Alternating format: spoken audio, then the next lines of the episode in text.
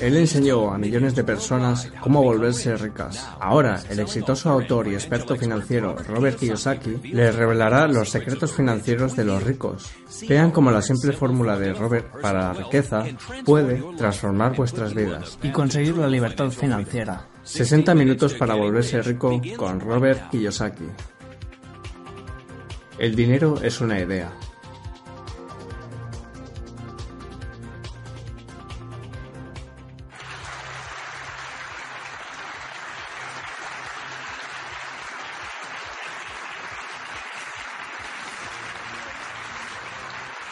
Gracias.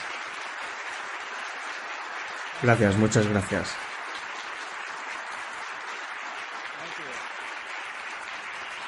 Gracias, son muy amables.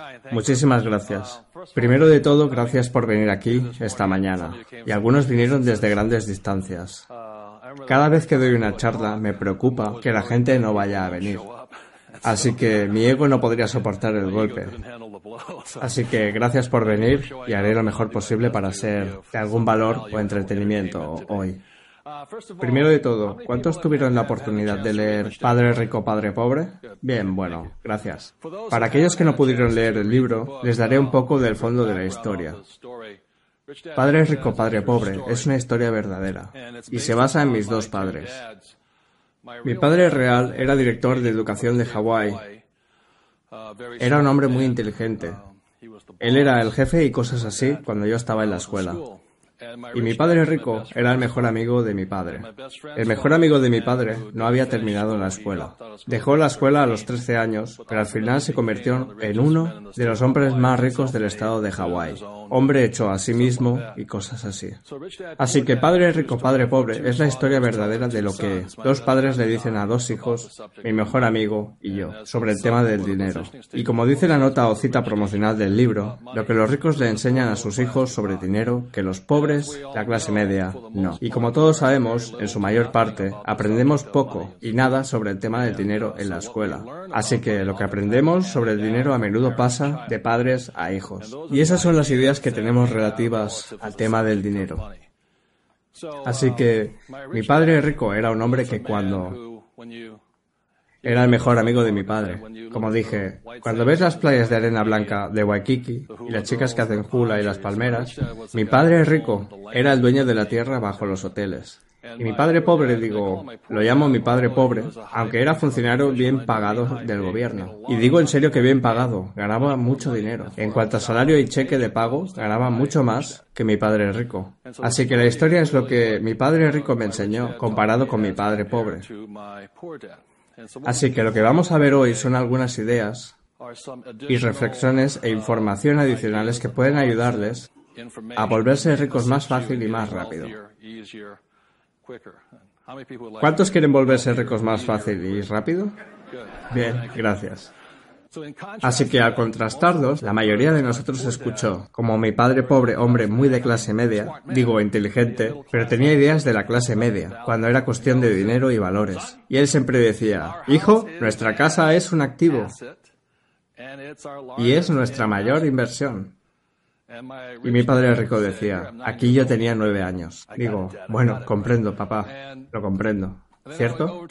Y después iba a la casa de mi padre rico y decía, mi padre acaba de decir que nuestra casa es un activo y que es nuestra mayor inversión. Y entonces mi padre rico dijo, bueno, por eso tu viejo no es rico, porque tu casa no es un activo. Y si es tu mayor inversión, entonces tendrán grandes problemas. Y allí fue cuando, ya saben, el contraste me comenzó a golpear. Entonces mi padre pobre me dijo, ¿tú crees que el dinero crece de los árboles? Y su frase favorita era, ya saben, yo decía, papá, compremos esto. Él dice, no puedo pagarlo. Y mi padre rico decía, él le prohibió a su hijo y a mí que alguna vez dijéramos la frase no puedo pagarlo. Él dijo, al momento que dices que no puedes pagar algo, ¿sabes? Se convierte en la verdad. Así que el poder de la palabra hablada o tu pensamiento tiene la actitud de volverse lo que piensas que es real del mundo. Si dices no puedo pagarlo, eso se convierte en tu realidad.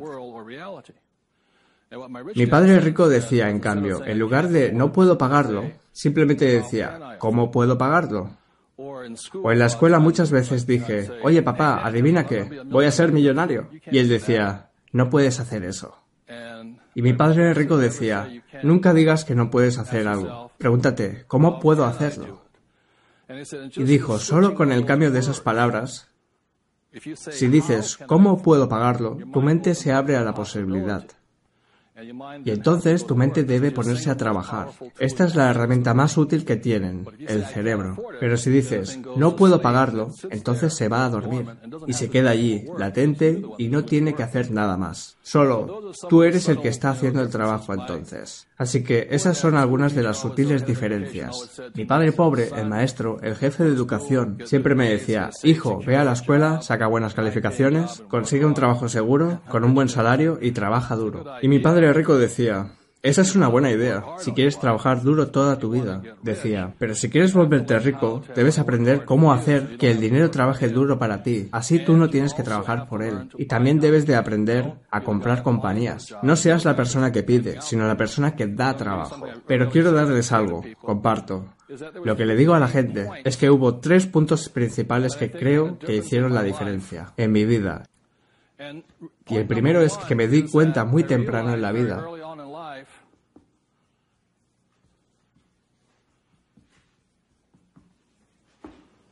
¿Qué es el dinero?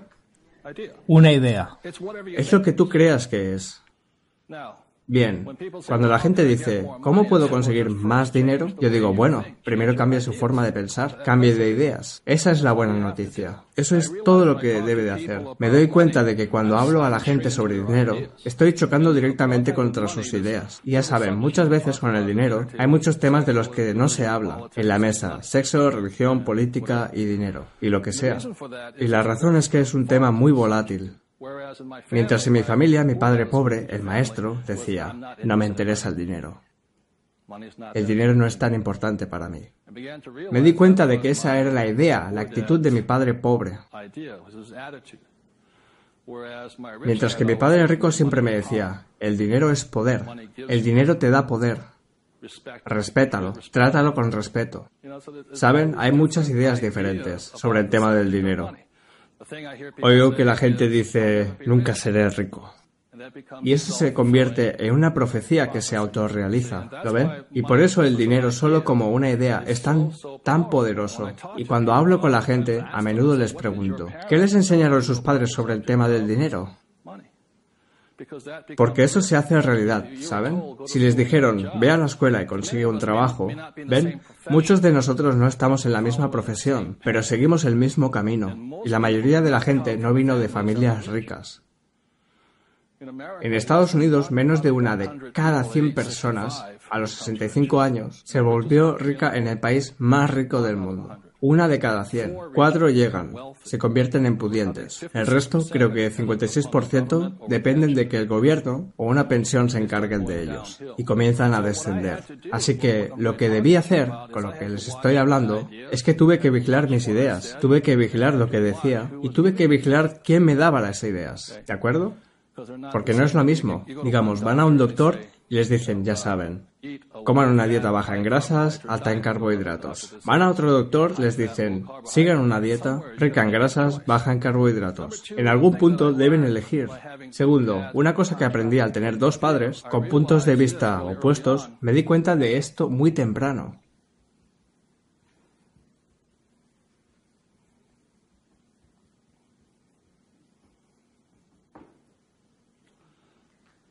Me di cuenta de que el dinero no te vuelve, ¿qué? Rico. Porque mi padre pobre ganaba más dinero que mi padre rico. Así que creo que uno de los mayores errores es que muchas veces la gente piensa, si gano la lotería, ya saben, entonces seré rico. O si voy a Las Vegas, apuesto, si tengo suerte, entonces seré rico. Eso no tiene nada que ver. El dinero es una herramienta muy poderosa, decía mi padre rico. Si lo usas bien, te hará más rico. Si lo usas mal, te harás más pobre. Así que una de las cosas que mi padre pobre cometió el error de decir, él siempre pensaba que si conseguía un aumento, eso resolvería sus problemas financieros. Y el problema es que cada vez que conseguía un aumento, él se metía en mayores problemas. Así que cuanto más dinero ganaba, más pobre se volvía. ¿Eso tiene sentido para ustedes? Ese era un gran problema para él. Y entonces, la tercera cosa de la que me di cuenta con dos padres, teniendo dos puntos de vista contrastantes, fue que hay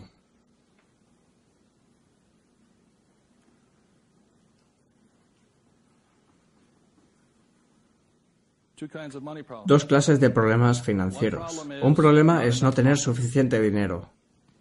El otro problema es tener demasiado dinero. Y ambos son problemas. Y lo que le digo a la gente es que, como yo pienso, la mayoría de las personas piensan que son muy especiales. Soy el único que tiene problemas de dinero. Bueno, la realidad es que todos tienen problemas de dinero. Todos. Cada persona, cada compañía tiene problemas de dinero. Cada país tiene problemas de dinero. Cada gobierno tiene problemas de dinero. Lo que te hará rico o pobre o de clase media es cómo enfrentas o manejas el problema. Y lo que la mayoría de gente hace ya que, ya saben, la mayoría de nosotros venimos de familias donde el problema era que sobraba o faltaba. Faltaba. Y esa se convierte en nuestra idea. Pensamos que el dinero escasea, que es difícil de encontrar, de ganar. Hay un dicho muy popular ahora que sugiere que para hacerte rico debes cortar tus tarjetas de crédito. Vivir por debajo de tus medios. Esa es la mentalidad de la gente pobre. Ahorrar, ya saben, buscar el largo plazo, comprar fondos de inversión. Esa no es la manera de pensar de la persona rica. Me encantan mis tarjetas de crédito. Me hacen feliz. ¿Lo ven? Tengo, ellos dicen, conduce un coche barato. Yo no me veo bien en un coche barato. No me siento bien. Bien, lo que quiero decir es que, repito, hay pobres, la clase media y los ricos. Y muy temprano en mi vida me di cuenta de que ser pobre y luchar no le hacía bien a mi cara. No me gustaba.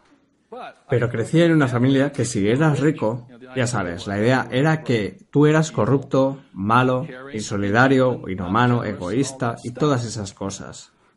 Así que si decía, quiero ser rico, ibas contra los valores de mi familia. Saben, era muy difícil esa situación. La otra cosa que vi fue que mi padre rico, a manejar bien su dinero y a convertirse en dueño de negocio e inversionista, que se volvió más y más y más rico. Ahora él tenía una clase diferente de problema. Su problema era demasiado dinero. Y mi padre rico me dijo, cuando yo tenía 18 o 19 años, dijo, hijo, hay dos clases de problemas. Que falte, que sobre. ¿Cuál quieres tú? Y en ese punto, No les hace, ya sabes. Así que tomé la decisión obvia. Dije, me gusta el de que sobre. Quiero tener ese problema. Y es un gran problema. Así que, sabiendo estas tres cosas diferentes, podía hacer diferentes distinciones y diferentes elecciones en mi vida. El gran punto que quiero dejar en claro hoy es que el dinero se reduce fundamentalmente a una elección. Eso es todo.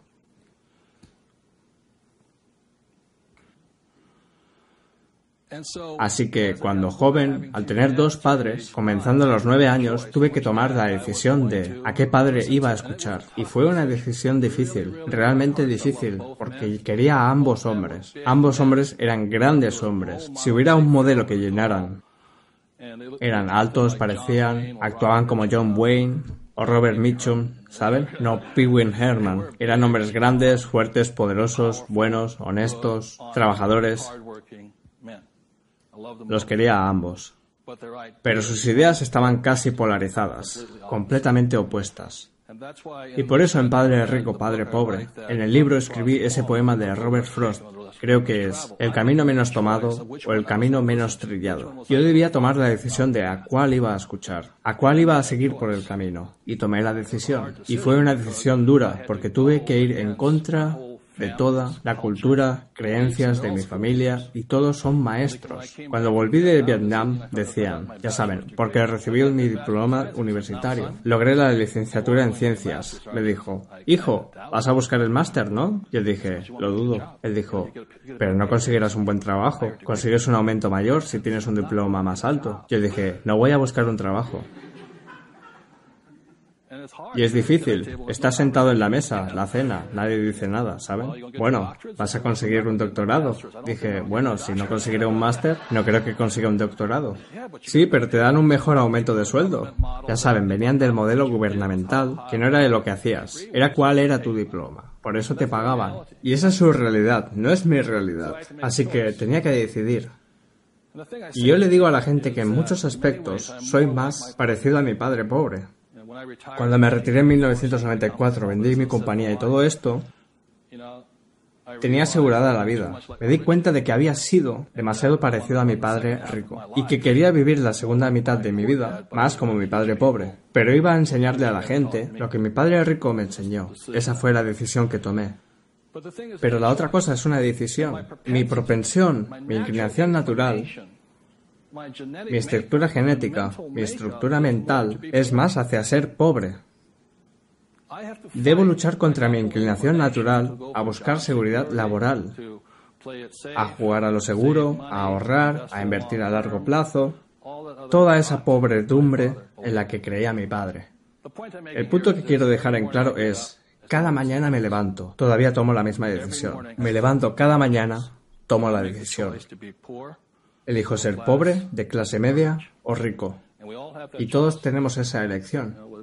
Ya saben, como individuos debemos tomar esa decisión.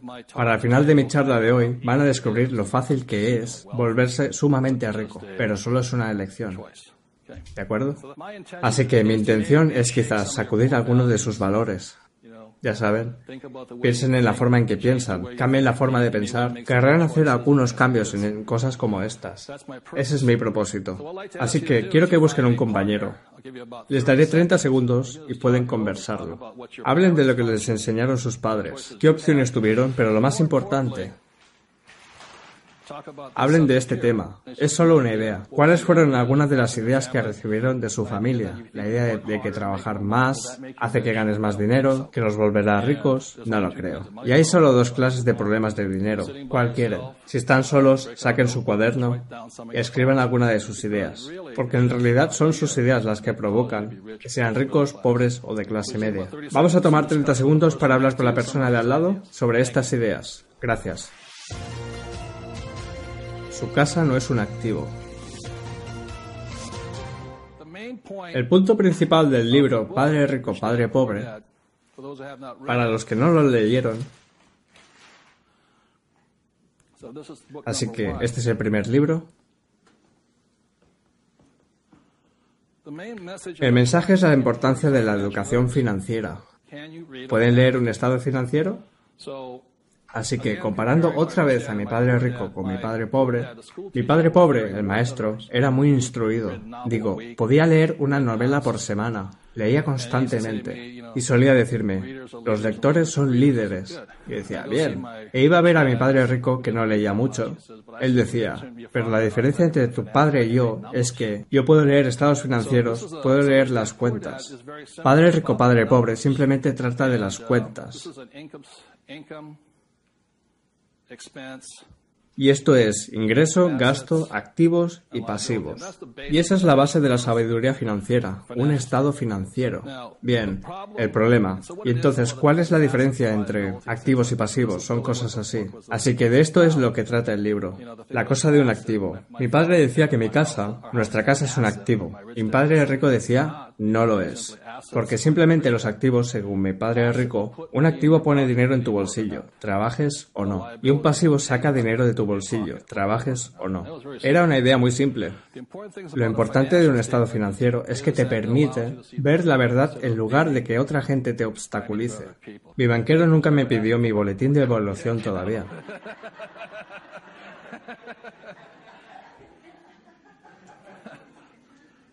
¿Y qué es lo que te pide tu banquero? Informes financieros.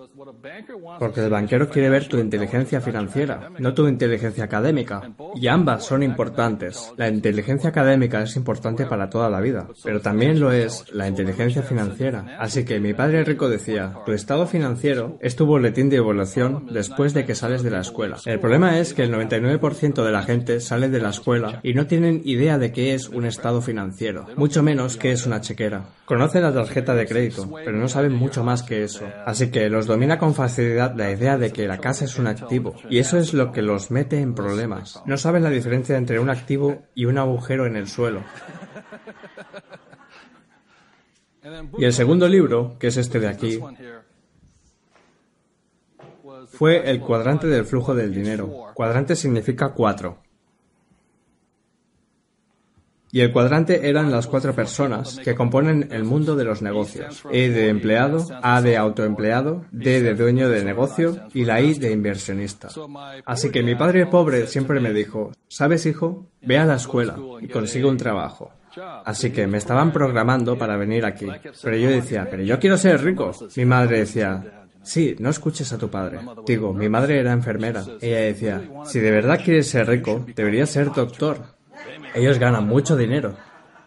Así que mi madre decía que, me convirtiera en un especialista, un autoempleado o un dueño de negocio pequeño. Saben, la gente dice, si quieres tener éxito, consigue una profesión. Ya saben, algo a lo que puedas recurrir. Ser fontanero, electricista, abogado, contador, algo a lo que puedas recurrir. Porque esta es la gente inteligente. Ya saben, esta es la gente que se convierte en doctores, abogados, son los cerebros de la clase.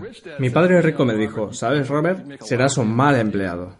No puedes seguir órdenes, no te gusta quedarte sentado y no eres muy inteligente, ¿cierto? Dice, tú serías muy bueno aquí. Dijo, porque estas personas no son tan inteligentes, y esa es la verdad. Por eso algunas de las personas más ricas de la Tierra están aquí, porque no son inteligentes, pero saben cómo rodearse de gente inteligente. Y esa es la más grande, una de las diferencias más grandes. La otra parte es el inversionista, y el inversionista usa una mentalidad diferente, emociones diferentes. Quiere que su dinero trabaje para él, y ellos dicen, ¿cuál es el rendimiento de mis inversiones? ¿Cuán rápido recupero mi dinero? Ven, la mayoría de la gente tiene su dinero en fondo de pensión 401k. Eso no es un plan de inversión, es un plan de ahorro. Un inversor no haría eso, inmoviliza el dinero demasiado tiempo. Quiero que mi dinero entre y quiero que mi dinero salga. Quiero saber cuándo va a volver a mí. Se llama velocidad. Cuán rápido lo pongo, cuán rápido vuelve. Los ahorristas lo ponen y lo dejan allí para siempre. Es una escala de valores diferentes. Mi padre rico decía, siempre puede reconocer a un empleado por su forma de hablar. Usan las mismas palabras todo el tiempo. Busco un trabajo seguro con beneficios. Siempre. Mi padre rico también decía, siempre puedes reconocer a un autoempleado porque dicen cosas como, voy a cobrarle 6% de comisión, como agente de bienes raíces, o 100 dólares la hora, o voy a, o voy a cobrarle tanto por el trabajo. Así que para esta gente el tiempo es dinero. Y el dueño del negocio, ellos dicen, busco gente inteligente, la mejor gente, busco el mejor sistema, porque quieren seguir adelante y comenzar otro negocio. Quieren tener múltiples corporaciones. Una gran diferencia. Un inversionista dice, quiero rendimiento de la inversión. Bien, el tema del autoempleado. La diferencia entre el dueño de un negocio pequeño y el de un negocio grande es simplemente esta. El dueño de una gran compañía, si hace bien su trabajo y construye la compañía, se puede ir. Y cuando vuelve, la compañía está mejor, sin ellos. Es más rentable, porque tienen a la gente más inteligente administrándola. Un autoempleado, si se va, ¿a dónde se va el ingreso? Abajo. O si, si tienen empleados, ya saben, simplemente Limpian todo, se llevan todo, se viene abajo. Así que esa es la diferencia. Y también la diferencia entre el autoempleado y el dueño es el tamaño de sus ideas. Muchas veces la gente se me acerca y dice, quiero abrir un puesto de venta de hamburguesas, mientras que la misma persona llamada Ray Kroc dice, voy a abrir puestos de venta de hamburguesas por todo el mundo. Diferencia en visión, idea y actitud de liderazgo. Son gente muy, muy diferente. Y la razón por la que son diferentes son las emociones. Esta persona quiere seguridad. Los domina la seguridad. Así que tienen miedo. Esta persona de aquí es falta de confianza. Y esta gente que es muy especializada también es la más satisfecha, porque disponen de su tiempo, tienen vida propia y todo esto. Son muy felices así, pero también tienen sus limitaciones. Y por lo general, esta gente está limitada a 500 mil dólares por año, máximo aquí, porque el tiempo es dinero. De este lado significa ilimitado cuánto puedes ganar. Así que hay diferencias muy, muy grandes. El inversionista aquí lo suyo es, son neutrales, emocionalmente neutral. En otras palabras, lo que significa es que no les importa si estás ganando o perdiendo. Cuando alguien dice, el mercado bursátil va a desplomarse, mi fondo de inversión se está hundiendo, no son neutrales, están reaccionando. A un verdadero inversionista no le importa si el mercado sube o si el mercado está a la baja, porque van a ganar dinero de cualquier manera. Eso es un inversionista. En realidad no les importa. Saben que perder es parte de ganar. Se llama administración del dinero. Cuán bien lo haces, todo eso. Muy, muy neutral. Y esta persona de aquí, la emoción es paciencia. Debes tener paciencia. Esta gente quiere que les paguen ya. Esta gente puede que no les paguen. ¿Cuál es el promedio? Tres años, ¿cierto? No les pagan. Por eso la primera pregunta que hago cuando alguien me pide que invierta en su compañía, le digo, ¿estás dispuesto a trabajar gratis por tres años? Dice, no. Yo digo, bueno, no invertiré en usted, porque todavía está pensando como esto. Así que esas son las diferencias emocionales. Porque hoy día solo ser empleado es suicida. Hoy en día debes ser empleado y además inversionista. Puedes ser autoempleado y además inversionista. Bien, lo que digo es que deben estar en los dos lados del cuadrante como mínimo, ya sea que estén aquí, aquí o aquí, si quieren tiempo libre, deben ser inversionistas hoy. Así que simplemente desde los 9 y 10 años aprendí, comencé aquí y permanecí aquí. ¿Tiene sentido para ustedes? Me quedé aquí. Porque aquí mi dinero trabaja duro para mí. Así yo no tengo que trabajar duro por dinero. Es un punto de vista diferente. Los ricos tienen mejores inversiones porque tienen dinero. La gente dice, ¿cómo se encuentra un buen negocio? Yo digo, volviendo a ser rico. Porque si tienes dinero, ellos vienen a buscarte. La cosa de este aquí, el más rico o el juego más rápido que se juegue en el mundo hoy, la forma de hacerse rico para siempre, ha sido esta. Hablo de esto en, este libro, cómo mi padre rico fue y compró una de las mejores parcelas de arena blanca de las playas de Hawái. Y yo dije, ¿cómo lo pagaste? Digo, él no ganaba nada de dinero. Él no tenía trabajo, no era ambicioso. ¿Cómo puedes pagar la mejor parcela de playa de Hawái? Él dice, personalmente, no puedo pagarla. ¿Ven? Ninguna de estas personas tampoco podía pagarla. Costaba unos 10 millones de dólares. Individualmente no puedes pagarla, pero su negocio puede pagarla. Es uno de los secretos más grandes de todos. Así que la razón por la que comencé aquí y aprendí a hacer negocios fue para poder invertir. Así por esto puedo tomar propiedades más y más grandes. Individualmente no puedo hacerlo. No gano suficiente dinero como individuo, pero mi compañía puede. La cosa del tercer libro, la guía de Padre Rico para Invertir, se llama la regla del dinero 90-10. Bueno, la regla del dinero 90-10 es simplemente esto. Es que el 10% de la gente siempre gana el 90% del dinero. Siempre. Es una gran parte de eso. Y gran parte del libro de inversión es que es cómo tomas tus ideas. Construyes un negocio alrededor y llevas tu negocio a la bolsa. Así que la realidad es que sé que cada uno de ustedes, sentados en el público, tiene una idea que podría hacerlos excepcionalmente ricos más allá de sus sueños. Cada uno de ustedes es lo suficientemente creativo para tener una idea. El problema es que cuando fueron a la escuela, no los entrenaron para ser dueños de negocio. Los entrenaron para ser empleados, para trabajar para los ricos. Lo que los ricos tienen la habilidad de hacer es tomar sus ideas y crear negocios enormes a partir de allí. Así tienen su negocio que hace las inversiones por ustedes. Las leyes están escritas a su favor si invierten a través de un negocio. Así es como los ricos se hacen ricos, pagando menos impuestos, simplemente porque invierten desde los cuadrantes D e I. Invertir desde aquí, las leyes están escritas en su contra. En Estados Unidos, 1943 fue la ley de pago de impuesto actual, lo que hizo que todos los que fueran empleados no pudieran pagarse. Asimismo, primero, se paga primero al gobierno. Si reciben un aumento de sueldo, el gobierno recibe un aumento, siempre, para siempre. Si ganan un millón de dólares, pagan todavía más en impuestos. 1986 aprobaron la ley de reforma impositiva de 1986. Todos los doctores, contadores, abogados y demás, las leyes cambiaron en su contra. Pero nunca cambiaron las leyes para los ricos, porque así es como los ricos se volvieron ricos, poseyendo corporaciones y negocios. Y eso está en efecto desde 1215, desde la firma de la Magna Carta. Si quieres ser rico, debes jugar con las reglas de los ricos, porque los ricos hacen las reglas. Y la última cosa que quiero decir de los impuestos es esto. Si eres empleado, las leyes impositivas son tu estado financiero se ve así. Si eres dueño, tu estado financiero se ve así. Y la gran diferencia es esta.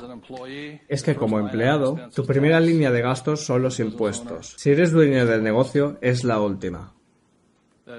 Ese es el resquicio legal más grande de todos. Y por eso los ricos se hacen más ricos, porque pueden tomar su dinero que viene aquí y va aquí. Y esta gente, el dinero, entra y va allí. Una gran diferencia. Así que tomen 30 segundos y hablen de lo que escucharon hasta ahora. Muchísimas gracias. gane más, trabaje menos. Una de las formas en que entiendo que el dinero no te hace rico, cuando yo tenía 20 años, veintitantos, casi 30, me convertí en millonario. Y se me subió a la cabeza. Saben, cuando tienes dinero piensas que tu coeficiente intelectual sube. En realidad tu coeficiente baja, ¿saben? Y era coches rápidos y mujeres más rápida todavía. Y yo era millonario. Yo era sibarita dando vueltas por Baikiki. Bien, no lamento nada. Fue muy divertido. Pero cuanto más dinero ganaba, más estúpido me volvía. ¿Alguno tuvo ese problema alguna vez? Así es como aprendí. Gané mucho dinero y me hizo instantáneamente pobre, porque todavía tenía hábitos pobres aquí. ¿Ven esto de aquí?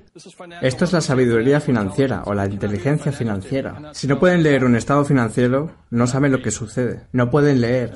Y lo que no ven aquí es cómo los ricos ganan más y más dinero por este pequeño resquicio legal de aquí. Le pueden preguntar a mi contador. Ya saben, aquí llegan a 335 mil dólares en ingresos y su tasa de impuestos sigue subiendo. Aquí llegan a 335 mil dólares de ingresos, la tasa de impuestos baja. Las leyes están escritas por los ricos para los ricos. Punto. Así que muy rápido llegué a un estado financiero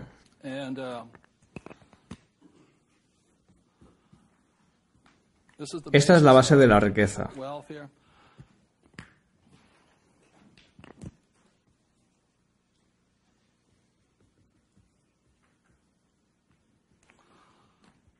Así que lo que le sucede a la mayoría de la gente es que dicen que su casa es un activo y todo eso. Mi padre rico decía, tu casa no es. Si tu casa es o no un activo, no tiene nada que ver con esta cosa. Tiene que ver con la cosa más importante de los negocios. Y eso se llama flujo de dinero.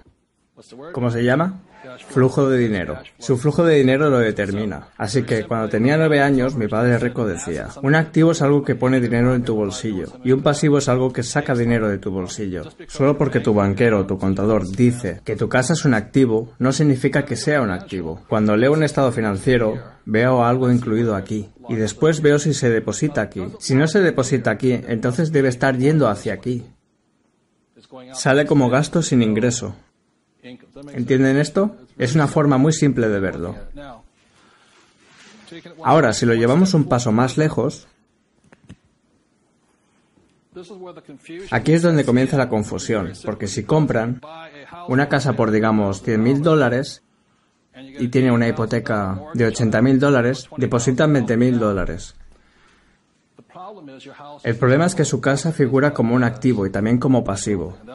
Y allí es donde comienza la confusión. Está incluida en ambos lados. Y ese es el problema. Así que la cosa es, y de paso, la palabra hipoteca en inglés mortgage viene de la palabra francesa mortier, que significa muerte. Eso significa que están comprometidos hasta la muerte con la casa.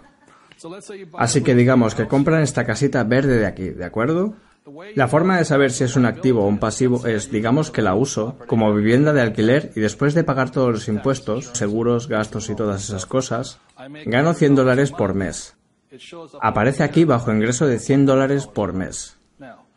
Ahora digamos que tengo un inquilino que destroza el lugar y no me pagan el alquiler. Me lleva un año desalojar al desgraciado. Inmediatamente esa casa, ¿en qué se transforma? Pasivo. Así que la casa puede ser un activo o un pasivo. Pero no porque esté como activo o pasivo aquí.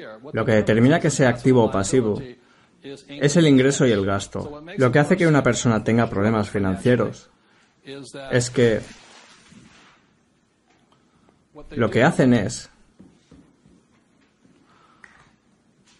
salen y compran una casa y dicen que es un activo. Así que tienen una casa, una hipoteca por aquí, compran un coche y dicen que es un activo. Compran un traje Gucci y lo llaman un activo. Compran un reloj de oro y dicen que es un activo. Pero en realidad, ¿qué son? Pasivos. Así que lo que sucede es, puedo saber si una persona es rica o pobre o de clase media con solo leer el estado financiero. Puedo mirar el estado financiero y ver esto. Si el dinero entra y sale así, este es el flujo de dinero de una persona pobre. No es cuánto dinero ganas, es cómo gastas tu dinero. Conozco a un doctor de Arizona, gana más de 500 mil dólares por año, pero gasta 525 mil dólares por año. Entra y sale. Piensa como una persona pobre. La gente promedio de clase media, como tienen un trabajo, y la gente, los banqueros como la gente con trabajo y todo esto, tienen todas estas cosas. Este es el patrón de su flujo del dinero. Tienen enormes pasivos a largo plazo. Y ese es el patrón del flujo del dinero de la gran clase media, que piensan que son ricos. Mi padre rico dijo, vives en una casa grande, tienes un coche bonito y tienes ropas bonitas, no significa que seas rico. Podrías estar quebrado o ser más pobre que los pobres. Así que para mí la diferencia fue que pasé mi vida aprendiendo a adquirir activos. Así que no necesito un trabajo. El objetivo era nunca trabajar por dinero. Era aprender a adquirir activos que pusieran dinero en mi bolsillo, ya fueran acciones, bonos, bienes raíces, negocios. Así que este es el patrón del flujo del dinero de los ricos. La cuestión es, la forma de saber cuán ricos son de esta, digamos que están casados, marido y mujer. Los dos dejan de trabajar. ¿Qué sucede? Si mi mujer y yo dejamos de trabajar, los ingresos siguen llegando, porque no dependen de que nosotros trabajemos. La persona promedio, todos sus activos, se da cuenta que si deja de trabajar, en realidad son pasivos. Como dijo mi padre rico, los activos te dan de comer, los pasivos te comen a ti. La razón por la que no pueden dejar de trabajar es porque los pasivos se los comen. Así que mi definición de riqueza es, ¿cuánto tiempo puedes sobrevivir sin trabajar? Y se mide en días o años. Así que cuando me retiré en 1994, mi riqueza era infinita. Siempre tenía más que suficiente. Dinero que entraba, que era mayor que mis gastos. Y esa era una manera de pensar. Por favor, tomen 30 segundos para hablar del flujo del dinero. Lo que determina si son ricos o pobres es flujo del dinero, ¿cierto? Ocúpese de sus propios negocios. Entonces, una de las cosas en las que seré claro, ya sean empleados, autoempleados, dueños o inversores, la cosa más importante es que esta columna de activos es un negocio. Una cosa que decía mi padre rico era, debes ocuparte de tu propio negocio. Cuando eres empleado te ocupas del negocio de otra persona. Si eres autoempleado a menudo estás ayudando al negocio de otra persona. Esto es de aquí es su negocio. Como yo digo en Padre Rico, Padre Pobre, ¿saben? Alguien dice, ¿cuál es su profesión? ¿En qué negocio está? Soy banquero. Bueno, ¿qué? Esa es su profesión. No es su negocio. Este es su negocio. Y su negocio debería ser un inversionista. Ya saben, manejar su propio portafolio, adquirir sus propios activos, ya sean negocios, bienes raíces o papel como acciones, bonos y fondos de inversión. En la escuela nos enseñan a no ocuparnos de nuestros negocios, nos enseñan a ocuparnos de los negocios de los demás. Y ese es mi mensaje, es ocúpese de su propio negocio. Entonces, avancemos. La última cosa es esta. Así que cuando un banquero les dice su casa es un activo, no les está mintiendo. Simplemente no dice de quién es el activo es el activo de él, ¿cierto? Así que cuando van a visitar a su banquero, amigo, y verán que su hipoteca figura ¿dónde? En la columna de activos de él.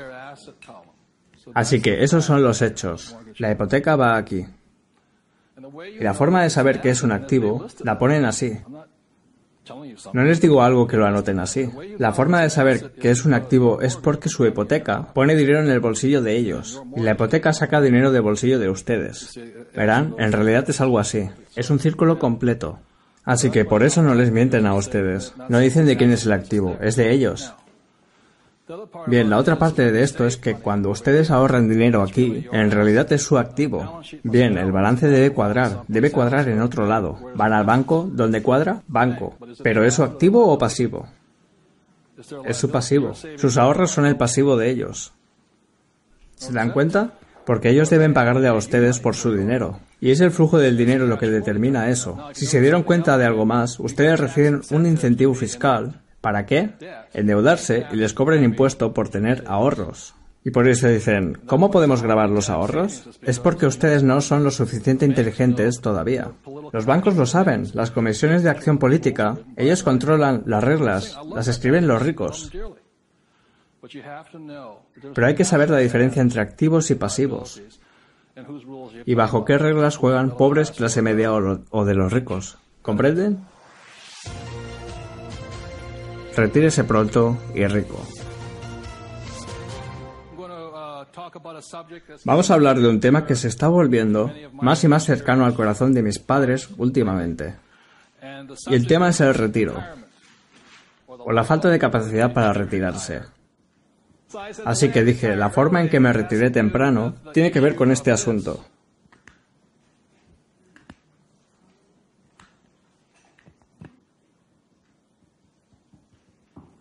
Deuda en contra de capital. La razón por la que pude retirarme temprano fue porque estoy endeudado. Pedí prestado para retirarme temprano. A la persona promedio le llevará hasta los 65-75 lo máximo. ¿Sobre qué base tratan de retirarse? Capital. En otras palabras, tratarán de usar el efectivo que tanto les costó conseguir para retirarse, cuando yo preferiría usar el dinero del banco para retirarme. Así que me endeudo hasta la coronilla, porque la razón es que, sí, y sé que algunos de ustedes dijeron, porque estoy seguro que sus padres les dijeron que se libraran de qué? Deudas. Bueno, eso no es tan inteligente. Porque deben saber que hay deuda buena. ¿Y qué? Deuda mala. Y la mayoría de la gente con qué está cargada? Deuda mala. Y si quieres ser rico, cárgate con qué? Deuda buena. Y la pregunta que le hago a los banqueros es, ¿cuánto le llevaría a ahorrar un millón de dólares? Permítame la pregunta. ¿Cuánto les llevaría a ahorrar un millón de dólares? ¿Un par de años por lo menos? ¿No? ¿Cuánto les lleva a pedir prestado un millón de dólares? Unos 10 minutos si tienen buenos estados financieros. Y esa es la diferencia. Y ese es el precio que la gente paga por no estar educada en este mundo. Pensar que deben trabajar duro, ahorrar dinero y financiar su retiro con capital. Yo prefiero hacerlo con deuda. Y la forma de hacerlo con deuda es que mi banquero siempre me prestará dinero a cambio de algo llamado bienes raíces. Siempre. No me prestará dinero para comprar acciones, pero me prestará, aún así, sus propias acciones no me prestarán un millón de dólares, a 30 años al 8%.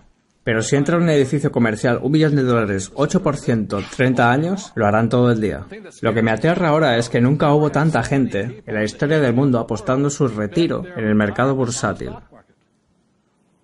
Y apostaron dinero real. ¿Me equivoco? Y créanme, la bolsa caerá. Siempre lo hizo y siempre lo hará. Bien, eso... ¿eh? Respiren bien profundo. Es porque ustedes no. Esas deberían ser buenas noticias. Porque si cae, allí es donde se vuelven ricos. Pero la gente que fue entrenada para pensar, en jugar a lo seguro y todo eso, va a estar aterrorizada. Punto de vista completamente diferente. Así que mi punto es que una de las razones por las que quería educarme, comprender el flujo del dinero, jugar al juego, era para poder pedir prestado dinero más rápido. Cuando mi padre pobre siempre decía, líbrate de las deudas. Las deudas eran malas. Así que llamé a mi agente de por aquí cerca y dije, necesito 2.4. Él dice, ven a firmar los papeles. Eso fue todo. 2,4 millones de dólares, solo firma. Bueno, porque yo puedo tomar ese dinero y ganar 10 millones de dólares con él.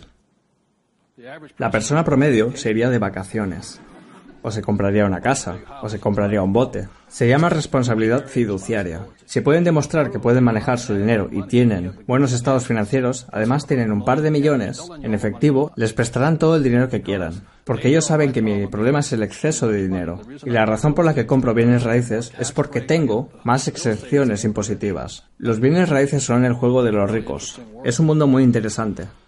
Así que ahora voy a pasar a cómo pueden llegar al punto donde no, no les recomiendo que salgan y pidan prestado hoy, especialmente si no tienen educación. Yo pasé 40 años para llegar aquí. Al punto donde puedo llamar a mi agente, ya saben. Hace 10 años yo lo llamaba y ellos se reían. Pero lo tomé como una manera de mejorar mis estados financieros. ¿Comprenden lo que digo? Hasta el punto que, que dirían que sí. Así que la diferencia entre mi padre pobre y mi padre rico era esta. Mi padre pobre siempre decía, consigue un trabajo bien pagado. ¿Qué? Trabajo. Gran error. Porque el problema de un trabajo bien pagado son los impuestos. Así que mi padre rico decía, dice a mi padre pobre que el trabajo bien pagado era la clave del éxito. Eso es un punto de vista muy de clase media, prosaico. Los ricos saben esto, no importa cuánto dinero ganas, lo que importa es cuánto dinero conservas. Debes conservarlo. No es cuánto ganas, es cuánto conservas. Se llama la proporción ingreso-gastos. En otras palabras, ¿cuánto baja su utilidad neta? ¿Tiene sentido para ustedes? ¿Cuánto queda? Entonces, el mínimo es 30%. Si gano mil dólares, el mínimo que puedo dejar es 30%. Si no están echando 30% a la utilidad neta, en otras palabras, de esta manera, y no deben hacerlo, solo le estoy dando las proporciones que funcionan. Si tienen mil dólares que entran por aquí, Entonces 300 dólares deben llegar aquí de alguna manera. Esa es la proporción. La persona promedio, ¿saben cuánto llega aquí? Nada. Por eso son pobres. Ganan más y más dinero, trabajo bien pagado, ¿saben? Fui a la universidad para conseguir un trabajo bien pagado. Ahora estoy en la franja GS19 y gano más dinero. Pero menos queda aquí. ¿Comprenden este gente? Porque están comprando más de qué? Pasivos. Se llama la proporción ingreso-gastos. ¿Cuánto queda? Eso es lo que cuenta. John Templeton dijo que la primera vez que se casó, por cada mil dólares que entraban, 500 dólares quedaban aquí. Eso es lo que enriquece a los ricos. No es cuánto ganan, es cuánto conservan. Es cuestión de concentración. Mi padre pobre siempre decía, estoy ganando más dinero. Y mi padre rico decía, estoy conservando más dinero. Gran diferencia. Una diferencia enorme en la riqueza a largo plazo. Es cuánto está quedando aquí. Así que la cosa es que tengo un ejercicio que prueba que cualquiera puede ser rico. Cuando yo era niño, mi padre rico me dio uno. Me dio tres de estas cosas. ¿Cómo se llaman? Huchas. Así que si quieren ser ricos, vayan y compren tres huchas. Eso es todo lo que hace falta para entrenarse para pensar como los ricos. Bien, por cada hucha, entonces tienen una hucha. Dos huchas, tres huchas. Una es para ahorrar, otra para invertir y otra para donaciones. Dar es muy importante. La decisión que tomen hoy, hablo de elección, pueden decir, bueno, eso es demasiado sencillo. Pero la decisión que toman es para el resto de sus vidas, o los próximos 90 días, lo que puedan manejar. ¿Cuánto voy a poner en cada hucha cada día? No una vez a la semana. Cada día. Porque lo que están entrenando es su cerebro, para que piense y actúe y sea como una persona rica. Lo dejan en, el valor neto. Así que digamos que lo máximo que pueden manejar hoy, dado lo horrible de su genialidad financiera, es un dólar. Bien. Bueno, no me importa la cantidad de dólares, pero me importa que lo hagan. Es como ir al gimnasio y decir, hoy me veo como un luchador de sumo, pero esta noche me veré como Arnold Schwarzenegger. No es posible, ya saben. Digo, no va a suceder. Así que, ¿cuántos de ustedes pueden decir ahora mismo que por el resto de su vida con tres huchas pondrán un dólar por día en cada hucha? Todos pueden hacerlo. Pero el problema es que la mayoría no lo hará. Y esa es la diferencia. Pero una vez que queda en su hucha, es suyo para el resto de su vida. Lo pasan por generaciones. Es lo que hacen los ricos. La clase media encuentra muchas excusas para romper las huchas. ¿Me equivoco? Debo gastar ese dinero. Ese era mi padre pobre. Si gano más me aumentarán el sueldo del año que viene, con el gobierno y estaré en una categoría superior. Pero seguían rompiendo la hucha. No tiene nada que ver con la cantidad en dólares. Tiene que ver con el hábito, la forma de pensar. Para mí esto es más importante que la comida. Es más importante que la ropa de mis hijos. Esto es más importante que todo lo demás. Esto es lo primero. Así que comienzan con un dólar. Todos pueden hacerlo. Solo hay que pasar de cero a diez. Bueno, en este punto la gente dice, bueno, eso no es tan difícil. Intenten con 10 dólares al día. Entonces pueden sentir algunos latidos. En ese punto ahora están en el límite de lo que es posible para ustedes. Solo se le agregó un cero. Y quieren gastarlo. Si se vuelve fácil con 10 dólares, entonces suban a 100 dólares. Y descubrirán que el corazón late más rápido. Así que cuando la gente dice, este ejercicio es fácil, estoy más allá de eso, entonces traten de pasar a mil dólares. No es la cantidad de dólares. Digo, no son las cosas, es el hábito. Y si sabes que eres un semental, diez mil dólares.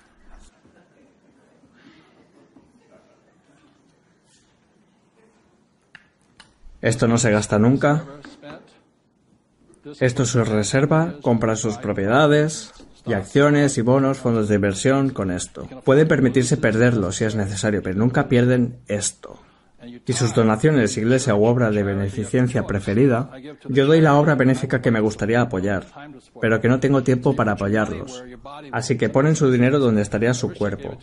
Mi padre rico daba a su iglesia. Mi padre pobre no daba nada. Decía, cuando tenga el dinero, entonces lo daré. Por eso era pobre. El siguiente punto es que mi padre rico siempre creía en la seguridad financiera. Mi padre pobre, seguridad laboral. La forma de conseguir seguridad financiera son estas tres cosas. Esto es la base. Ahorros, inversión y donaciones. Así que la manera de conseguir seguridad financiera es comenzar con esto y luego comenzar a invertir con esto. ¿Se entiende? Mi cuenta de inversión, con este dinero juego. Así que el asunto aquí es esto. Si van a comprar un negocio, bienes raíces o papeles, la proporción es esta. Pueden preguntarle a mi esposa. Alguien dice, bueno, no tengo nada de dinero. ¿Cómo consigo algo de dinero? Yo digo que empiece con las tres huchas. O cómo se encuentra un negocio sin depósito. La razón por la que quieren un trato sin depósito es porque no tienen nada para depositar. Y eso es lo más riesgoso que podrían hacer. Solo pueden tomar un negocio sin depósito cuando tienen mucho dinero para depositar. Yo puedo tomar un negocio sin depósito porque tengo dinero para cubrirlo en caso de que salga mal. Pero el punto es este, tengo mi experiencia. ¿Cómo pueden encontrar un negocio? Pueden preguntarle a mi esposa. Por cada propiedad que compro, ¿cuántas propiedades o negocios o acciones analizo? 100. Esa es la proporción. Antes de comprar una propiedad, yo analizo un mínimo de 100 propiedades. Si no compro una propiedad de esas 100, comienzo de cero otra vez. 100 a 1 es la proporción. Así es como puedo encontrar un negocio. No solo eso, cuando no tenía dinero, ¿qué hacía? Igual analizaba un negocio es 100 a 1 antes de que puedan encontrar un negocio. La gente viene y me dice, oh, ¿sabes? Fui a dar una vuelta con un agente de bienes raíces y encontramos una propiedad y la compramos. Y yo digo, ¿cuántas vieron? Solo esa. Eso es un idiota, no un inversionista. No tienen ni idea. La forma de encontrar las tendencias del mercado, los altibajos, de saber de cabo a rabo, es analizar 100 negocios. De esos 100 negocios hacen ofertas en 10 porque 90 son malos. Pero con la práctica de analizar el negocio te vuelves más inteligente. Aprendo más, aprendo algo de cada negocio que revisé. De los 10 en los que invierto, los que di ofertas, puede que me acepten 3. Eso le toca a mi amigo que es un genio, de los bienes raíces. Dice, si el número es 6, ¿qué significa? Estás ofreciendo demasiado dinero. Eso significa que no eres lo suficientemente agarrado. Debes presionar un poco más. Si resulta que nadie acepta, eres demasiado agarrado. Así que querrás mantenerte en esta proporción. De eso compras una propiedad. Cuando la gente me pregunta dónde me eduqué, me eduqué evaluando negocios. Estimo que hasta la fecha de hoy he revisado más de 50.000 negocios. Así es como me volví inteligente. En lugar de ir a trabajar, miro negocios. Si voy a comprar un negocio, la proporción es la misma. 100, 10, 3, 1. Si voy a comprar acciones de una compañía, busco 100 compañías, la misma proporción. Todos pueden hacer esto. ¿Les cuesta algo de dinero? No. Para nada. Es gratis. Cuando voy de vacaciones con mi esposa Kim, ella sabe dónde voy a terminar, en la oficina de bienes raíces o en la de un agente, porque es un hábito. Así que esto es lo que me dio seguridad financiera. ¿Y en qué se concentraba mi padre pobre?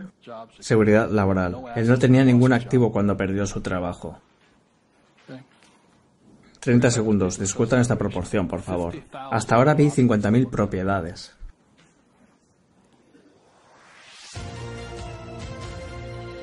Así que, ¿qué lo detiene?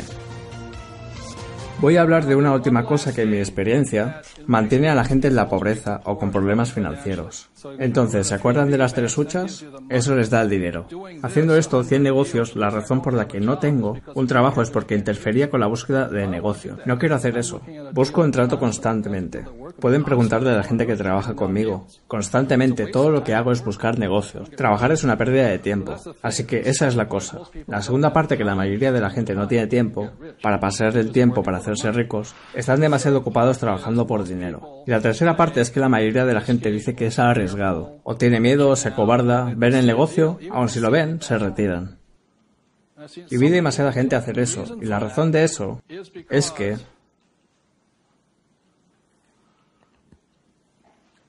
Esto es un iceberg, ¿de acuerdo? La mayoría de la gente dice, voy a buscar las tres huchas, voy a buscar 100 negocios. Pero cuando llega el momento de poner el dinero, se llama endurecerse con el dinero. Hay que endurecerse. Si esta es su mente consciente, digamos,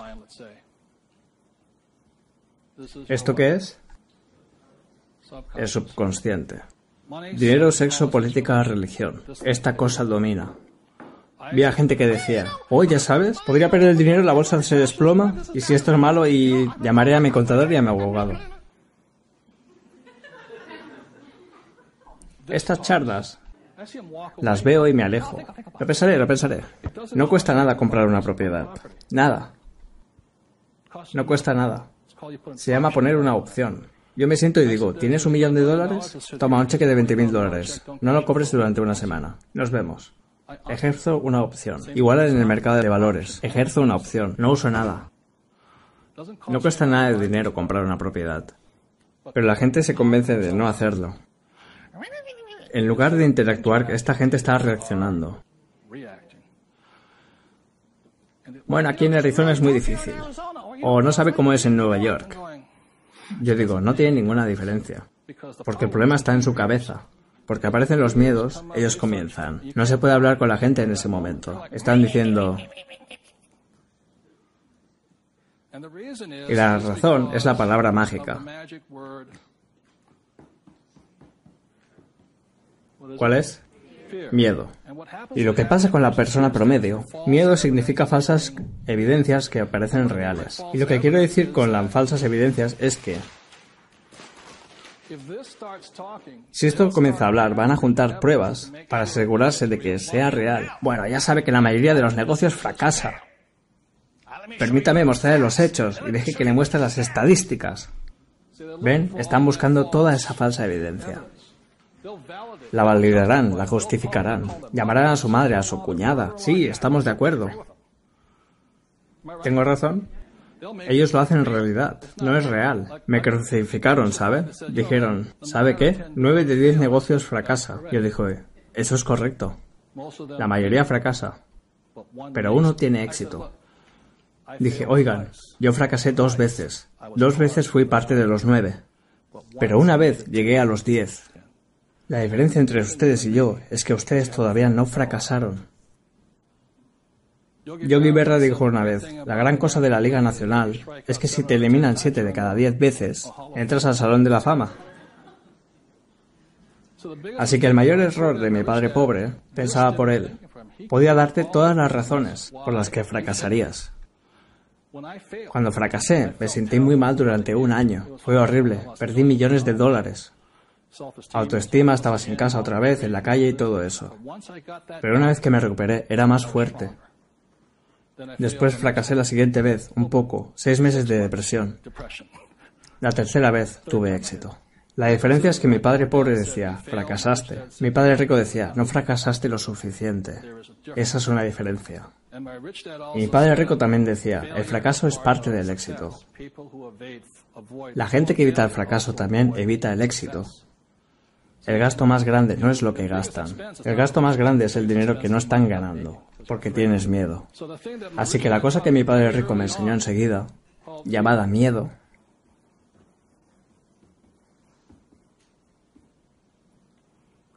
fracasa enseguida y fracasa con responsabilidad.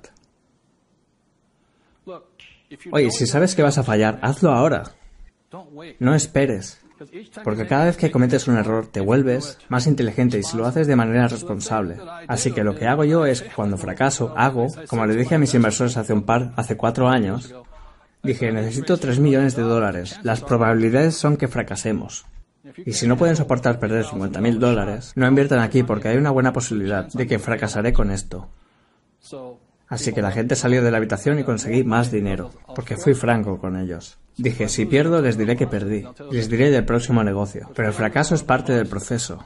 Así que le digo a la gente que fracase enseguida de manera correcta, pero un pequeño fracaso. El primer negocio que hice con mi esposa cuando volvimos a los bienes raíces fue un negocio de 45 mil dólares, 6 mil dólares de depósito. Si fracasábamos nos volveríamos más inteligentes que alguien que no fracasaba nada. Pero no fracasamos, así que probamos los límites más y más grandes, anticipando el fracaso.